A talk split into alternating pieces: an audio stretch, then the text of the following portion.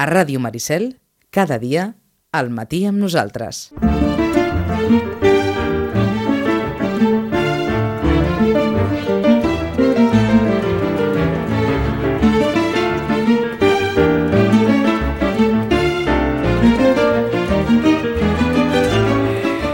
Onze i nou minuts. Rosana, bon dia i bona hora. Hola, molt bon dia. Uh, escolta'm, els escolapis de Vilanova, edifici gran on els hagi referencial de Vilanova també, eh? Molt, Molt. molt, molt. molt Dic de moltes generacions, a més a més. De eh? moltes generacions, d'acord. Estem més o menys igual, ara que parlàvem nosaltres dels escolapis d'aquí, i ens venia al cap doncs, tots aquells sitgetans que havien anat a Vilanova en algun moment a l'Escola Pia de, de Vilanova. Però bé, I els, i els de Vilanova que han anat a, a fer algun, algun curs també, eh, que no es feia aquí, i almenys els darrers anys sí que ha sigut així. Està clar que sí, està clar que sí. A, a, ara ens diuen que, que hi ha dificultats per imprimir llibres i, i el cartró i el paper i que... I que... Sí, hi ha, Sí. hi ha com una notícia així...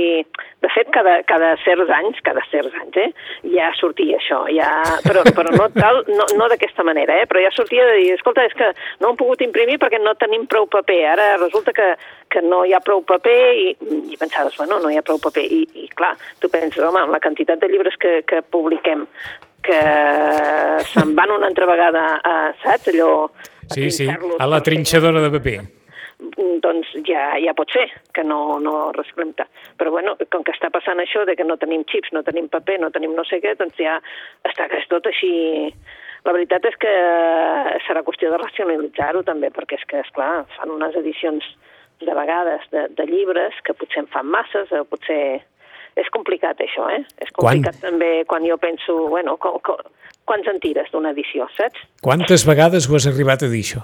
Quantes vegades, eh? És, mm, és, un, és un horror, també, perquè penses, bueno, si jo fos editor tampoc no sabria exactament quants llibres n'haig de fer, no?, d'un- d'una edició. Però sí que és cert que, sí que és cert que ens havies comentat en més d'una ocasió que ara hi ha més possibilitats de fer, si es vol dir d'aquesta manera, edicions a mida. Exactament. Pues ara, més que mai, ha això de les edicions, no?, de que amb res es tirar un llibre amb no res, vull dir que tampoc no, no hauria de ser així. El que passa que, és clar, un llibre amb tapes normals, etc. Sí, clar, si comencem amb els llibres de tapa dura i tot això, llavors, clar, ja és un altre tipus de, de llibre, però els llibres que tenen aquesta tapa tova i que són fàcils de fer, això ho tiren amb no res, o sigui que són edicions. I ara hi ha empreses allà, sobretot a la part de, de Granada, Uh -huh. eh? mm, doncs hi ha una empresa grandiosa que és Podiprint que, eh, que t'ho fa amb no res, saps? Vull dir que té el... Eh, si, si té els drets per fer-ho, pam, Sí, sí. eh, ho fa en, en menys de 24 hores tens el llibre. O Eh, sigui, eh, I pots fer, que, això per si algú té, va- vaja, una, una certa velaitat literària, eh, en tu et poden imprimir 100 llibres, 150, 200... Aquestes quantitats, fins i tot, es pot trobar algú que, que les imprimeixi? Sí, sí, Sí. sí. Ara, ara, això ho està fent fins i tot doncs, el Círculo Rojo, per exemple, que els hi ofereix els, els, els serveis de, i els serveis de distribució. Vaja. Llavors, eh, distribució en el sentit de que no ho distribueixen, però sí que nosaltres, els llibreters, tenim un punt per dir, escolteu, aquest llibre, pam, el té aquest distribu... I llavors és un servei logístic més que un distribuïdor, saps? Llavors tu li demanes i és que resulta que és el mateix servei logístic que, que el del de, grup Planeta, amb la qual cosa Mhm. la comanda va junta. T'ho pregunto perquè fins i tot eh, aquelles persones que tinguin una, no sé si dir, una petita gran il·lusió de- d'haver fet alguna cosa així eh, a casa d'una manera molt modesta i dir, escolta'm, a mi m'agradaria, jo què sé, veure-ho editat, encara que fos amb 100 o 150 exemplars. Això es pot fer ara. Sí, sí, sí, Sí. es pot fer. Sí, sí. Ho estan fent, ho estan fent molts autors, eh, això. Ja et dic, el Círculo Lo- Rojo és un d'ells, eh? Entesos. Però n'hi ha molts, eh? Hi ha moltes plataformes que, que més o menys els ofereixen tots els serveis. Per això dic que ara hi ha més possibilitat de, de no llançar eh, eh, els llibres. Ah, exacte. sí, sí.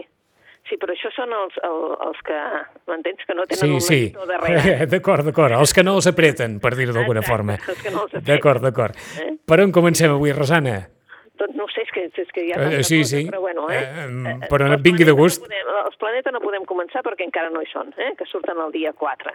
Eh? 4 de novembre, Premis Planeta. Planeta, sí. Que això és la setmana que ve, ja, eh? La setmana que ve, sí. Ja han portat molta renou perquè els clients estan, alguns estan enfadats, uns altres venen a veure què, què en pensem, saps? Allò del tema, el tema Carmen Mola i, i, i bueno, eh? Vull dir, però hi ha client que està enfadat. Eh? És que, o, o, o sigui que la història dels tres escriptors darrere l'escriptora ha enfadat molt. Sí, amb molts Sí. clients sí. En clients sí, perquè doncs, havíem pensat que, malgrat que d'això era una dona, i alguns deien, és un home, és un home, saps? Vull dir, és un home. I, i tu penses, bueno, no, no, no, tres. Això mereixeria, això mereixeria una altra novel·la. Sí, sí, sí, jo crec que sí. Perquè, perquè val la pena, eh, està clar que pel premi val la pena, no, no cal ni dir-ho, però què hagués passat si això s'hagués mantingut fins al final? Bueno, si aquest secret s'hagués mantingut fins al final? És que els clients, molts, molts, preferien això, eh? Preferien això? Sí. Preferien saber que Helena Francis era una dona i no un home que feia els guions? Ah, exacte, per exemple. Eh? Per exemple. O, o que, bueno, és que prefereixen pensar que és... Eh, bueno, té aquell punt de dir, Sí, sí. bueno, és un És que, autònom. no, és que és veritat que és una, que és una il·lusió trencada. Sí, sí, sí, i ara què dius? Bueno, ja veurem. Eh, Allò pot, pot, ser una, pot ser una gran novel·la, però és una il·lusió trencada. que És una il·lusió trencada de, molts, de molts lectors. I estic segur que ara molts lectors no ho veuran de la mateixa manera, ni, ni, ni copsaran la novel·la de la mateixa manera, ni la sentiran de la mateixa manera. No, no, no, segur que no. Segur que no, eh? Segur que no, però bueno, eh, aquests seran els premis i... No?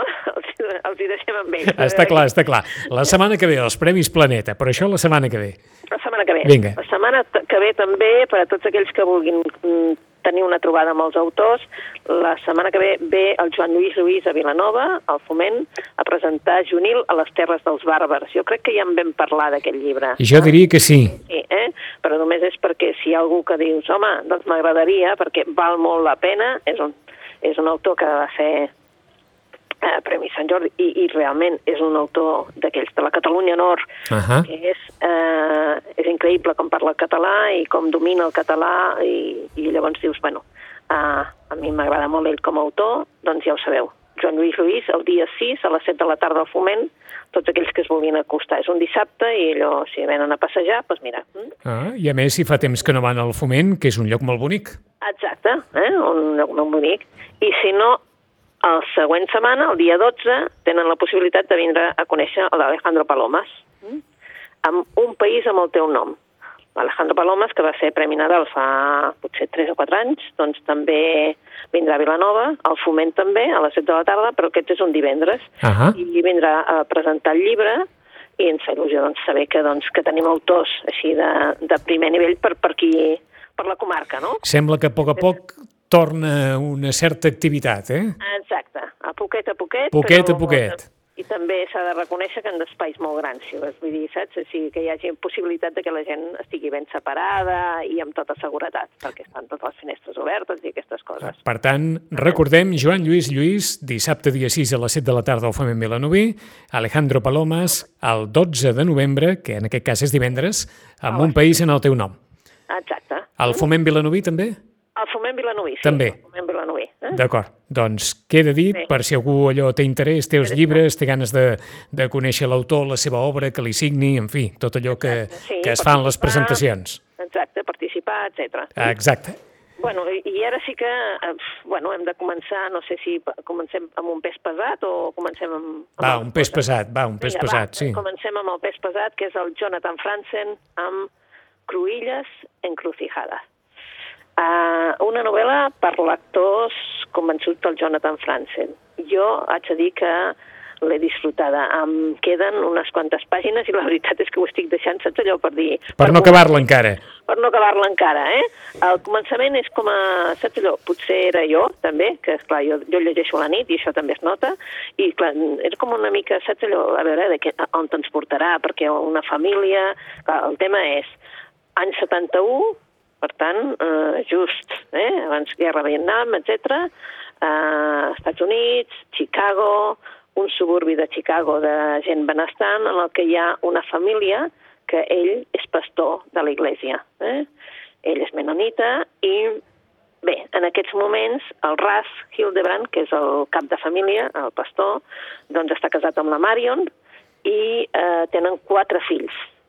El gran, en Clem, és un noi que ara està a la universitat, que és un d'aquelles persones, un coco, diguéssim, que és Sí. un nano que, que, que és molt brillant. Uh, bé, està a la universitat i està començant doncs, a conèixer la vida, perquè, clar, ells són catòlics, eh, saps allò, molt convençuts, els d'anar a l'església, evidentment, etc. i clar, ara està començant a conèixer la vida i coneix amb una noia també a la universitat. I coneix, doncs, tots els altres, eh? La- la- l'altre vessant de la vida, el plaer, etc. Um, el segon, la segona és la Becky, que és una noia molt popular, una noia guapa, una noia popular a l'institut, i bé, mm, ara també té un moment que potser es passarà, eh, en comptes de ser la gran popular, vol passar-se a la contracultura i també conèixer l'amor, etc etc, amb un noi doncs, que precisament doncs, és d'aquells que va vestit amb, amb jaqueta de cuir, amb, però flecos d'aquells dels anys 70, saps allò, en plan hippie. Eh? Sí. I després tenim la, el, el Perry, que és el, diguéssim, el germà complicat, el, que, el germà també que s'assembla més a la mare, que heredarà coses de la mare, després en la novel·la ja es veu que és el que hereda, i eh, que ara en aquests moments, doncs, tot i que és molt jove, doncs trafica amb els amics venent-li marihuana. No hi ha novel·la sense un membre de la família complicat. Ah, complicat, sí. I el, el, Judson, el Judson, que és el petit, i aquell, doncs, és un personatge que és un nano petit, un nano feliç i un nano que va molt a la seva, no? Uh, què passa, doncs, que el matrimoni trontolla, uh, el Ras i la Marion, el Ras amb, estan enamorant-se, diguéssim, d'una feligresa i potser qui li donarà sorpresa serà la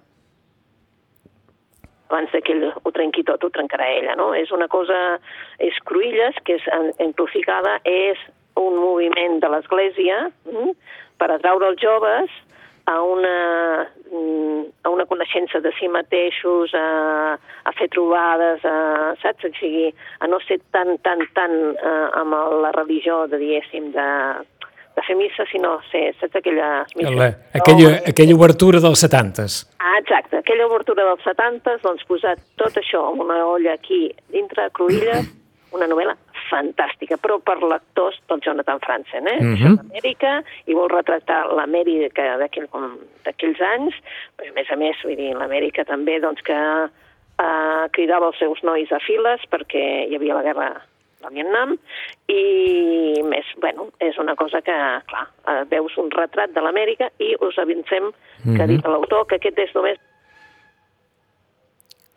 o sigui que ens tindrà entretinguts una mica més. Eh?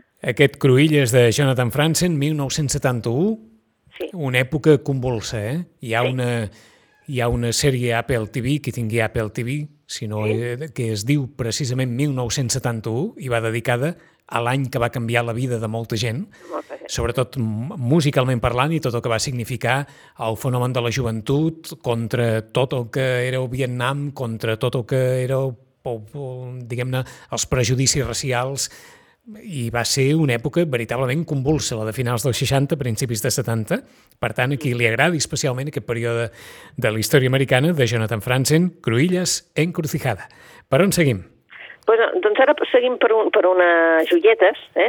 dic joietes perquè eh, jo estic molt contenta perquè acaben d'editar un llibre que jo feia molts anys que, que um, estava convencent amb un editor de que l'edités, el Eh, això va ser el primer que va editar Salamandra, que en aquell moment no era Salamandra, sinó MC, que era Mejillones para cenar, de la Birgit van der Becke. Però això es va exaurir i no s'ha tornat a publicar. I ara ens apareix eh, amb aquesta col·lecció tan bonica que és Petits Plaers de Viena, Mm. que tenim títols eh, bueno, estupendos, que tenim una Vila Florència, Bon dia tristesa, el Blat Tendre, que són a més a més molt ben editats, petitets, allò que te'ls emportaries a la butxaca perquè són preciosos, i ara ens acaba de fer doncs, aquest Musclos per sopar. I el Músculs per sopar, eh, jo us el recomano, és una obra que no té cap diàleg, eh? ja us avisem amb això, però sí que és doncs, un retrat d'una família. Família de l'Est, que ara ja diguéssim, ja, ja s'ha obert el mur, eh? però um, bé, és una família que el, el pare de família és el, aquell que mana, que, diguéssim, la filla és la nineta dels seus ulls i el fill és la nineta dels ulls de la mare, perquè se senten una mica doncs, que són més iguals. Eh, racionals, matemàtics, els, el pare i la filla, i els altres doncs, serien la vessant més, més poètica, per dir-ho d'alguna manera, més natural, més mm, no tan lògics. Eh? I aquí eh, doncs, és una nit que, que, que es fa el sopar, que han preparat el sopar, perquè vingui el pare eh, i pogués sopar tots quatre i li han preparat el, el plat que a ell li agrada, els musclos, un plat de musclos, eh, uh -huh. una plàtera allà, i la plàtera està enmig de la taula, ja és hora de sopar, estan els tres asseguts i la plata de musclos enmig. Estan esperant que arribi el pare. Eh? Eh, el pare ve de que li donguin un ascens, eh? de, amb el seu treball i, per tant, i què dona la... Pues, com que estan allà asseguts i hi ha els músculs allà, tot serà una metàfora perquè els músculs es van fent vale? vull dir, es van, van perdent aquella cosa que tenen els músculs quan, quan estan recents fets sí. i això dona perquè tots tres, uh, com aquell qui diu, es confessin. Vale? I veuen que el pare sempre ha sigut, diguéssim, el que veus és una figura que ha anul·lat absolutament a tots els altres, que és un pare eh, no protector, sinó aquesta protecció que és superprotectora però que fa mal? I perquè t'anul·la, i eh, bé, el llibre és un increïble. És, eh, en molt poques pàgines diu absolutament tot del que podria ser doncs, un pare que millor que no el tinguis. Eh? O sigui, del perill del patriarcat, vaja el perill del patriarcat, eh, aquest patriarcat que anula la dona, anula els fills, eh, vol que les coses es facin com ell vol, etc eh, etc. Eh? Mm -hmm. Novel·la de l'any 1990, eh? Sí. Autora sí, alemanya, Birgit sí. van der Becke, Musclos per sopar. Per sopar, sí, és curteta, curteta, eh? Ja us diem que és d'aquests de, de, de la col·lecció Petits Plaers, per tant, ja veieu que és curteta, mm -hmm. però... Quina portada més bonica. Eh que sí? Tan metafòrica com el que, com el que ens comentaves, eh? Ah, Allò sí, com sí, si sí. els músculs es anessin obrint i cada múscul expliqués una part de la història que sí. fins ara estava amagada. Sí, sí. Eh? Doncs eh? Músculs per sopar de Birgit van der Becke. Per on seguim, Rosana? Bueno, doncs eh, seguim per una novel·la que, que, que ha sortit aquí enmig, saps, com un rellò que ha sigut eh, per celebrar el centenari del naixement de, de José Saramago, ens surt un llibre que es diu La viuda, la viuda és el títol que José Saramago, quan era molt jove, va escriure una novel·la, la seva primera novel·la, i li va posar La viuda.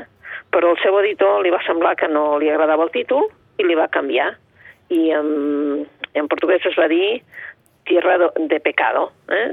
Clar, eh, bueno, el Saramago li feia una mica de mandra tornar a publicar la novel·la, perquè, doncs bé, com que ja estava amb altres, doncs em deia, bueno, doncs ja, ja ho farem, ja ho farem, però ho tenia allà en el calaix i no ho ha fet. Qui ho ha fet? Doncs eh, la seva dona, la seva vídua, la Pilar del Río, ha decidit que potser era l'hora també de publicar La viuda, eh? uh -huh. a, a, auspiciats per Alfaguara, no?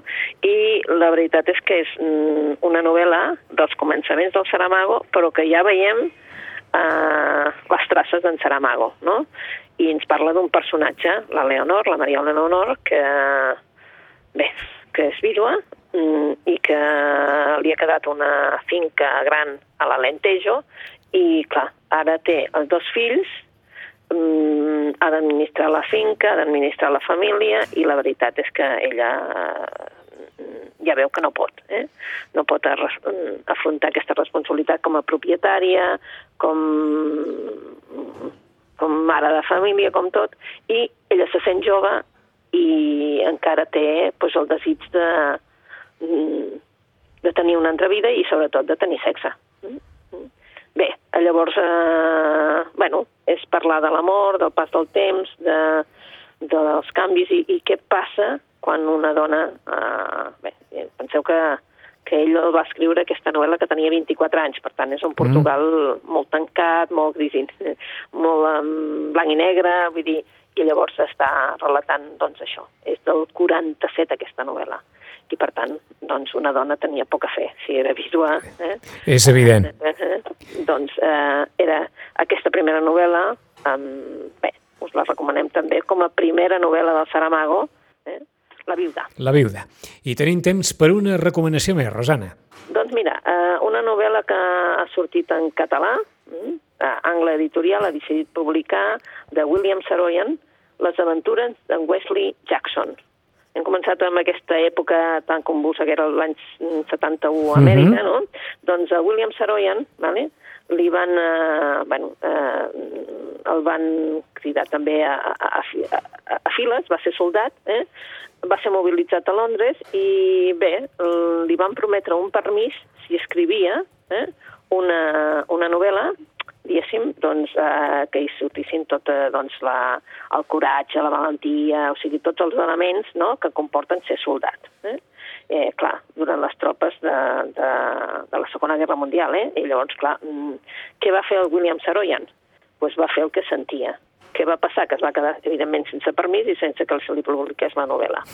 Perquè, clar, ell era antibelicista, eh, clar, ell narra l'estat de l'exèrcit d'un jove que, és clar coneix, sí, bones coses, perquè són bons companys, companys que quedaran per tota la vida, etc etc, però també coneix la part més dolenta, també, no? Tot allò, el pitjor d'estar de, de, a, en una guerra i en l'exèrcit, i, bueno, i al final el que ell vol dir és que, que l'amor, la fraternitat són els valors humans que, hem de, que, que, que únicament això ens redimirà eh, tot el de més, vull dir, la guerra i l'exèrcit i tot això, evidentment, no el posa bé i, doncs, això. És una novel·la antibilicista i es diu Les aventures d'en Wesley Jackson, que seria, evidentment, el Wesley Jackson seria un alter ego, diguéssim, o sigui, es posa ell com a uh -huh. William Saroyan. Mm.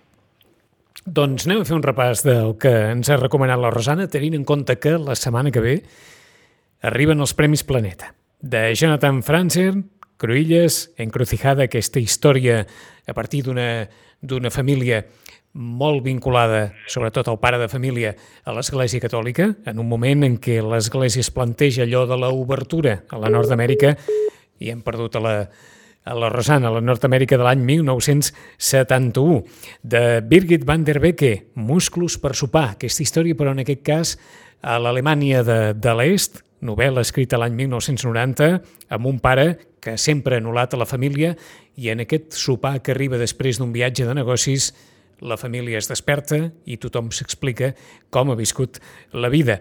De José Saramago, del qual se'n celebra el centenari del naixement, la seva primera novel·la, publicada l'any 1947, quan ell tenia 24 anys, La viuda, editada en aquest cas, sobretot per, per l'impuls de la seva vídua, Pilar del Río, la història de, de Leonor en el, en el Portugal de l'any 1947. I finalment, de William Saroyan, les aventures d'en Wesley Jackson, aquesta història d'un soldat de l'alter ego del propi autor, de William Saroyan, una crònica antibelicista que posa sobre la taula els valors humans. I ara tornem a saludar la Rosana, mal que sigui, per poder-la acomiadar perquè, perquè escolta'm, eh, sembla a vegades... Són aquests fullets que hi ha... Que, que hi ha sí, eh? és que a vegades em sembla mentida que truquem a Vilanova, Rosana. Sí, sí, sí, a mi també. Jo dic, bueno, ara què ha passat, no? N'ha anat tot. Rosana, bona lectura i en 15 dies tornem a saludar-te. Molt bona lectura a vosaltres. Gràcies, adeu-siau. Adéu.